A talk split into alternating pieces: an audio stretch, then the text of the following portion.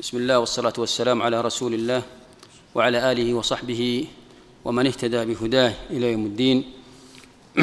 اللهم علمنا ما ينفعنا وانفعنا بما علمتنا إنك أنت العليم الحكيم. أيها الإخوة الفضلاء سلام الله عليكم ورحمته وبركاته. وحياكم الله في هذا اللقاء المبارك. أسأل الله عز وجل أن يجعله لقاء مباركا وأن يوفقنا جميعا للعلم النافع والعمل الصالح واستكمالا للمسيرة التي مضت مع آيات الأحكام في في الوقت الماضي ونبدأ ببركة نبدأ بعون الله سبحانه وتعالى بهذه السورة الجليلة العظيمة وهي سورة الإسراء. وذكر المؤلف هنا في كتابه نيل المرام عدة آيات تتعلق بالأحكام. وهذه وهذه الآيات أولها قول الله عز وجل ولا تجعل يدك مغلولة إلى عنقك ولا تبسطها كل البسط. المؤلف أورد آيات كثيرة منها ما هو صريح في آيات الأحكام ومنه ما هو غير صريح في آيات الأحكام. يعني قد تكون آيات الأحكام آيات صريحة تتعلق بالحلال والحرام وبالأمر والنهي المتعلق بالعبادات والمعاملات. وهناك آيات أحكام قد يدرجها بعض أهل العلم على أنها من آيات الأحكام وإن كانت يعني ليست صريحة أو قريبة من آيات الأحكام. وقد تكون من الآداب والأخلاق. والمؤلف أورد بعض الآيات التي هي من الآداب والأخلاق وجعلها من آيات الأحكام. كما أنه يعني ترك بعض المواضع من السور كما سيأتينا. هناك بعض السور التي جاوزها المؤلف وتركها وهي أيضا مليئة بالأحكام الفقهية. الآية الأولى هذه التي هي بين أيدينا وهي قول الله عز وجل ولا تجعل يدك مغلولة إلى عنقك ولا تبسطها كل البسط وهذه الآية جاءت في سياق الوصايا التي أوصى بها الله سبحانه وتعالى في هذه السورة العظيمة. ولما أمر. لما أمر سبحانه وتعالى وعظم حق الوالدين ثم أمر أيضا وأوصى بحق ذوي القربى وات ذا القربى حقه والمسكين وابن السبيل وبين أيضا حق المحتاجين بين كيفية الإنفاق الذي هو أعظم هذه الحقوق الإنفاق على الوالدين والإنفاق على ذوي القربى وعلى المساكين والمحتاجين بين أن الإنفاق يكون متوسطا يكون الأمر بين هذا وهذا ولذلك قال ولا تجعل يدك مغلولة. فهذه الآية فيها كناية والكناية هو الكناية عن التوسط في الإنفاق. لا تجعل يدك مربوطة إلى عنقك ولا تبسطها. هذه في ظاهرها لا تدل على الإنفاق في ظاهر الآية لا تدل على الإنفاق ولكن في معناها دلالة على الإنفاق وهي كناية عن الإنفاق بأن الله سبحانه وتعالى يأمرنا بالتوسط في الإنفاق لا تقتير ولا ولا إسراف. هذا مفهوم الآية ولذلك ختم الله سبحانه وتعالى بقوله فلا فتقعد ملوما محسورا. لماذا ختمها بهذين الوصفين؟ ملوما محسورا. فالملوم يوافق البخل فالذي يبخل ويشح بماله يلام أمام الناس وقوله محسورا يناسب التبذير والإسراف ولذلك يحسر ماله ويذهب ماله ويصبح خالي اليدين.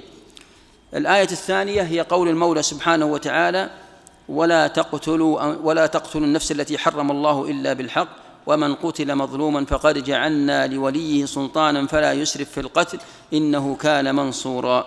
وهذه أيضا داخلة في الوصايا التي أوصى بها سبحانه وتعالى في هذه السورة العظيمة.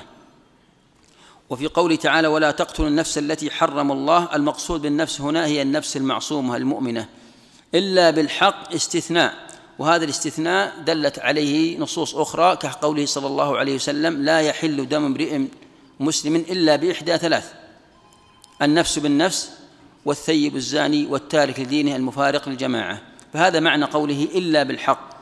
ثم بين سبحانه بعدما نهى وحرم قتل النفس البريئة قال ومن قتل مظلوما فقد جعلنا لوليه سلطانا. وهو قوله سبحانه سلطانا قوله سبحانه كتب عليكم القصاص في القتلى الحر بالحر فالله سبحانه وتعالى أعطى لولي المقتول من ورثة ونحوهم من ورثة ونحوهم أن لهم السلطة على أن يأخذوا بدم من قتل يأخذ بدم من قتل. وذلك قال ومن قتل أي من قتل مظلوما فقد جعلنا لوليه سلطان قدرة وسلطة على أن يأخذ ولذلك قال سبحانه بعدها فلا يسرف في القتل إنه كان منصورا أي مؤيدا من الله سبحانه بهذا الشرع وأن الله سبحانه وتعالى أعطاه أن أن أن يأخذ بحقه لكن من غير من غير أن يسرف في القتل بمعنى أن يأخذ حقه من غير تجاوز لحقه كأن مثلا يمثل بهذا القاتل أو كأن يعذبه قبل أن يقتل أو نحو ذلك فإنه يأخذ يأخذ حقه بالقود من غير إسراف.